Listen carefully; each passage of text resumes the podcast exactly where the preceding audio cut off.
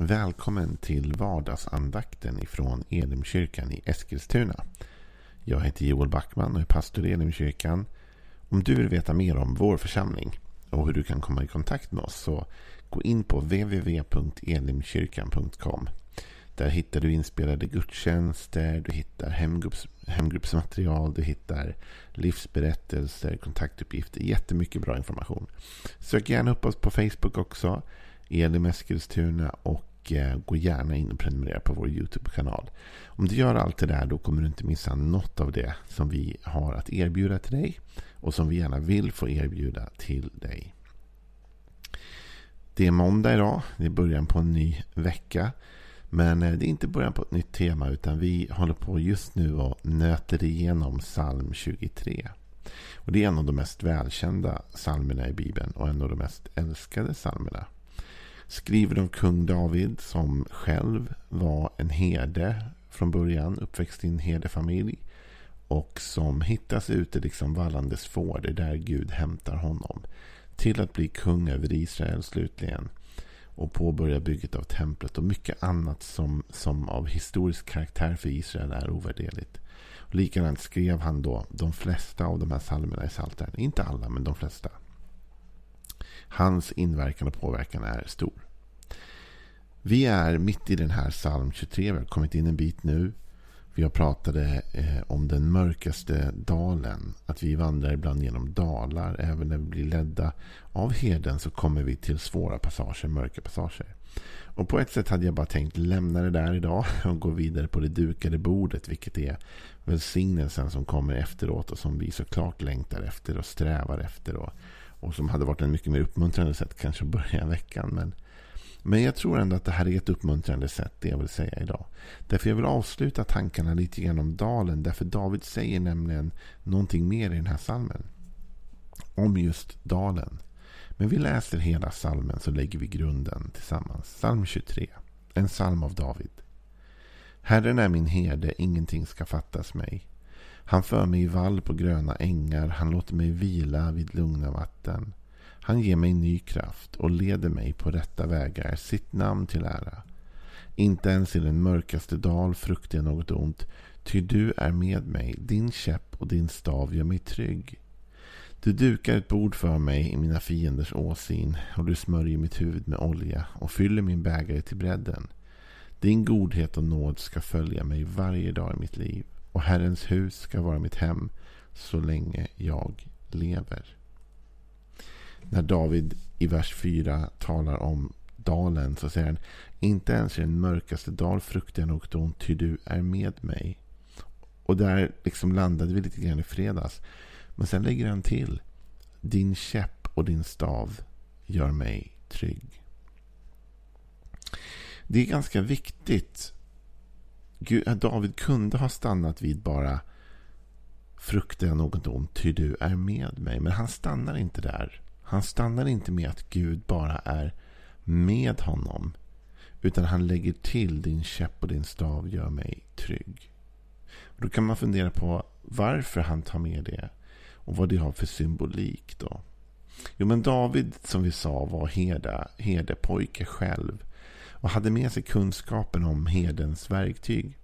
Och en herde hade inte sådär värst mycket verktyg. Det är inte som kanske en doktor som har en hel liksom, operationssal eller vad som helst. Inte så. Men en herde hade några verktyg hade han såklart. Och en av de saker han hade var sin herdestav. Den där har du säkert sett liksom, i bilder. Vi ser inte så värst mycket herdar i Sverige. Liksom, men, men eh, du har säkert sett en avri, avbildad, liksom, ritad någon så här herdestav. Du vet, med den där eh, öglan längst ut. Eller vad man ska kalla det. Och, och, Då kan man fundera på vad, vad var den? Är den bara liksom en sorts symbol för hederskapet? Är det bara något han stödde sig på när han gick? Eller vad hade han den där till? Ja, men den hade två, eh, två verktygsområden, eller två arbetssätt han använde den där till. Det ena var att den är rundad längst ut. Och att den är rundad längst ut som en sån här eh, kägla. Det är att han fångade in fåren med den. Han la den runt halsen på dem och den var rund så att den var inte obehaglig. Utan han kunde lägga den runt halsen på dem. Och utan att det var, gjorde ont eller var obehagligt så kunde han då med staven föra fåren när de var på väg bort. Jag tror redan jag har sagt i någon andakt tidigare att får har otroligt dåligt lokalsinne. De klarar sig inte själva utan en herde och, och irrar lätt ofta bort. Va? Till och med Jesus i sina liknelser tar liknelsen om fåret som försvinner bort, som irrar bort. Va? Det var liksom ingen ovanlig, det var en bild alla kunde förstå för man visste att hed, äh, eh, fåren de är inte så pålitliga vad det gäller att liksom hitta utan tvärtom, de, de kommer ofta bort sig. Och då hade herden en lång sån här käpp som han kunde sträcka ut och så la han den där öglan runt halsen liksom, så att säga, och så drog han in fåret. Och det var inte obehagligt utan David ger till och med uttryck för att det är en trygghet i det. Det vill säga det är ett aktivt ledande. Va? Det andra är att staven användes för att mota bort djur. Om det kom djur och angrep fåren så kunde herden med staven slåss emot de här djuren. Klappa till dem, slå till dem, jaga bort dem. Det var liksom både för vägledning och det var för strid. Och det ska jag strax gå in på lite mer om vad det innebär. Men det intressanta att lägga märke till först innan vi tar liksom symboliken i ledningen och symboliken i, i, i att Gud fight, tar fighten. Va? Innan vi ens tittar på det så är det intressant att Gud är inte passiv. Gud är inte passiv i dalen. För David kunde ha sagt så här. Eh, fruktar inget ont för du är med mig. Och bara stannat där. Liksom. Som att liksom, det finns en trygghet i att bara känna att man inte är själv. Man är inte ensam. Liksom. Och en del liksom försöker tänka då att det stora är att Gud bara är närvarande. Och det är sant att Gud är närvarande. Det är absolut sant att Gud är allstädes närvarande. Det är något som den kristna kyrkan har trott i, i liksom alla år. Att Gud är alltid närvarande. Men David finner inte tryggheten i att Gud är närvarande. Utan Gud känner, eller David känner tryggheten i att Gud är aktivt närvarande. Din käpp och din stav. Så där talar David om att det är det aktiva i Guds närvaro som ger honom trygghet. Det vill säga, det är inte bara det Gud att du är med mig. Det är inte bara det att du är med mig i dalen och inte har lämnat mig. Utan det är det att du är aktivt närvarande i min svårighet. Du är aktivt närvarande i det jag möter.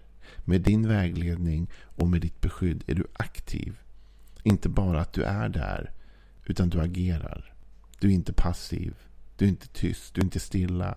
Utan Gud är aktivt närvarande i din svårighet. Och egentligen skulle det kunna vara hela min vardagsandakt idag.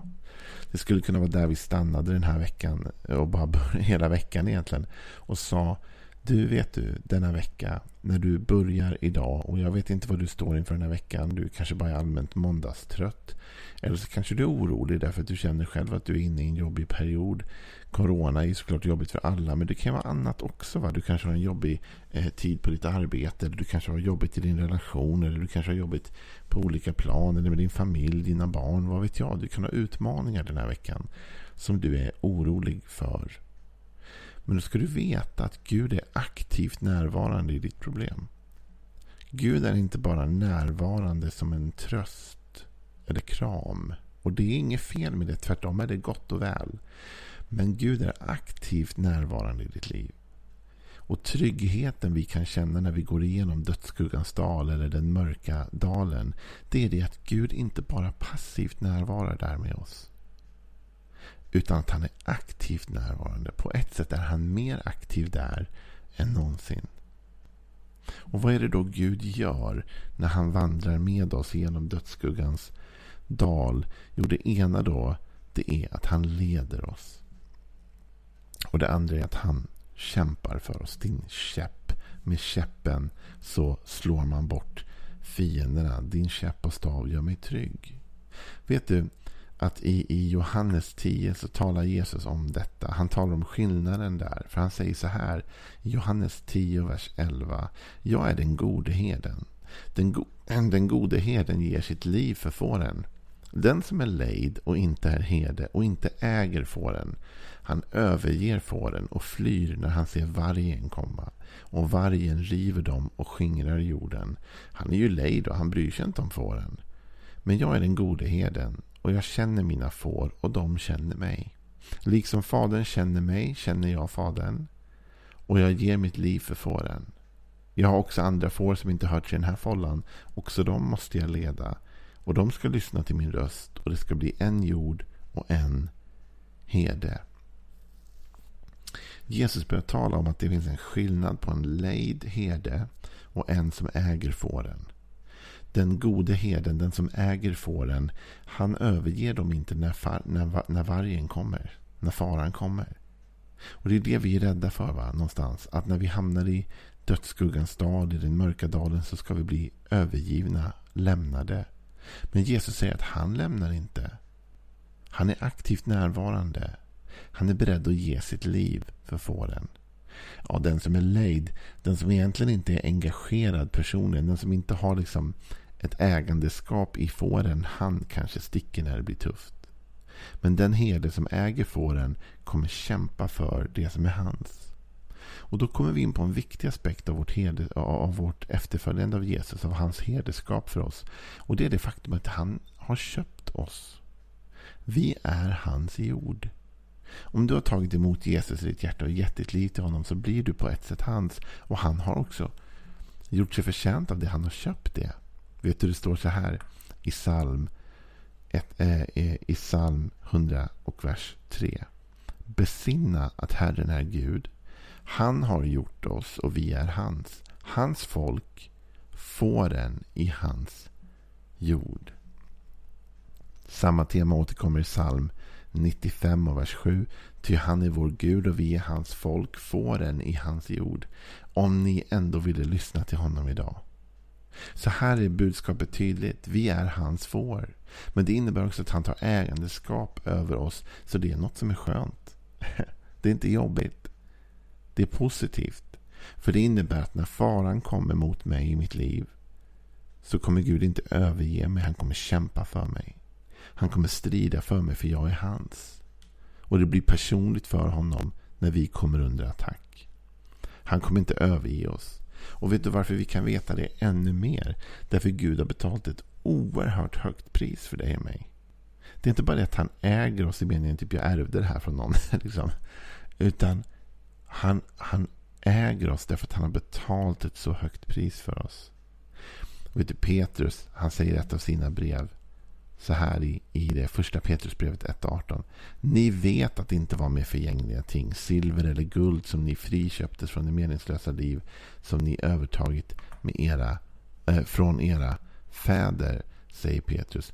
Utan det var med eh, Lammets blod. Och det här är så intressant va. Att liksom här talar Petrus om att Gud har offrat sig själv, sitt eget blod för att köpa oss. Men om han har lagt ner en sån oerhörd eh, eh prislapp på oss, då kommer han inte överge oss om det blir tufft. Du måste förstå det. Att Gud har betalt en oerhörd summa för dig. Och därför kommer han inte lämna dig. Därför kommer han inte överge dig. Och du kan känna dig trygg med att han är aktivt närvarande i ditt problem. Inte bara närvarande, han är aktivt närvarande. Vad du än möter idag kommer Gud att ta strid för dig. Är det inte spännande också att fåret själv inte här är ansvarig för att hitta rätt. Och fåret inte är ansvarig för att skydda sig själv. Utan herden har ansvaret för att fåret kommer rätt. Och herden har ansvaret för att fåret är beskyddat. Så när vi accepterar att Jesus Kristus får vara vår herde. När vi säger jag vill tillhöra din jord. Du får leda mig. Och han säger vad bra för jag har betalt ett så högt pris för det. Då kan vi vara trygga med att när vi hamnar i utmaningar och svårigheter och i dödsskuggans dal så överger han inte oss. Han har investerat allt för mycket i dig. Lyssna på mig nu. Det sista jag säger i den här vardagsandakten idag vill jag att du verkligen ska höra. Gud har investerat alldeles för mycket i dig för att lämna dig nu. Jag vet inte vad du har gått igenom. Jag vet inte vad du har för självbild eller sätter för värde på dig själv. Men på ett sätt är det oväsentligt. Därför jag vet vilket värde Gud sätter på dig. Han har offrat sin enda son för dig. Han har investerat det viktigaste och det bästa han har i dig. Han kommer inte överge dig nu. Det finns inte på kartan, det finns inte en chans. Han kommer aldrig överge dig. För han har betalt ett allt för högt pris för att köpa dig och för att låta dig vara en del av hans jord. Så låt oss känna trygghet i det idag. Vad vi än möter, vad den här veckan än bjuder för utmaningar, hur oroliga vi än kan vara, hur mörk dalen än kan tyckas. Vet du, vi har en herde som har köpt oss med sitt eget blod och som aldrig någonsin kommer överge oss. Låt den tryggheten ge dig ro. Låt den käppen, låt den staven inge hopp och tröst. Vi är inte övergivna. Han går före oss. Han går med oss. Och han är den som ansvarar för att vi kommer rätt och för att vi är trygga. Låt oss ta den tanken med oss idag. Låt oss leva med det. Så önskar jag dig en riktigt välsignad måndag. Hej då.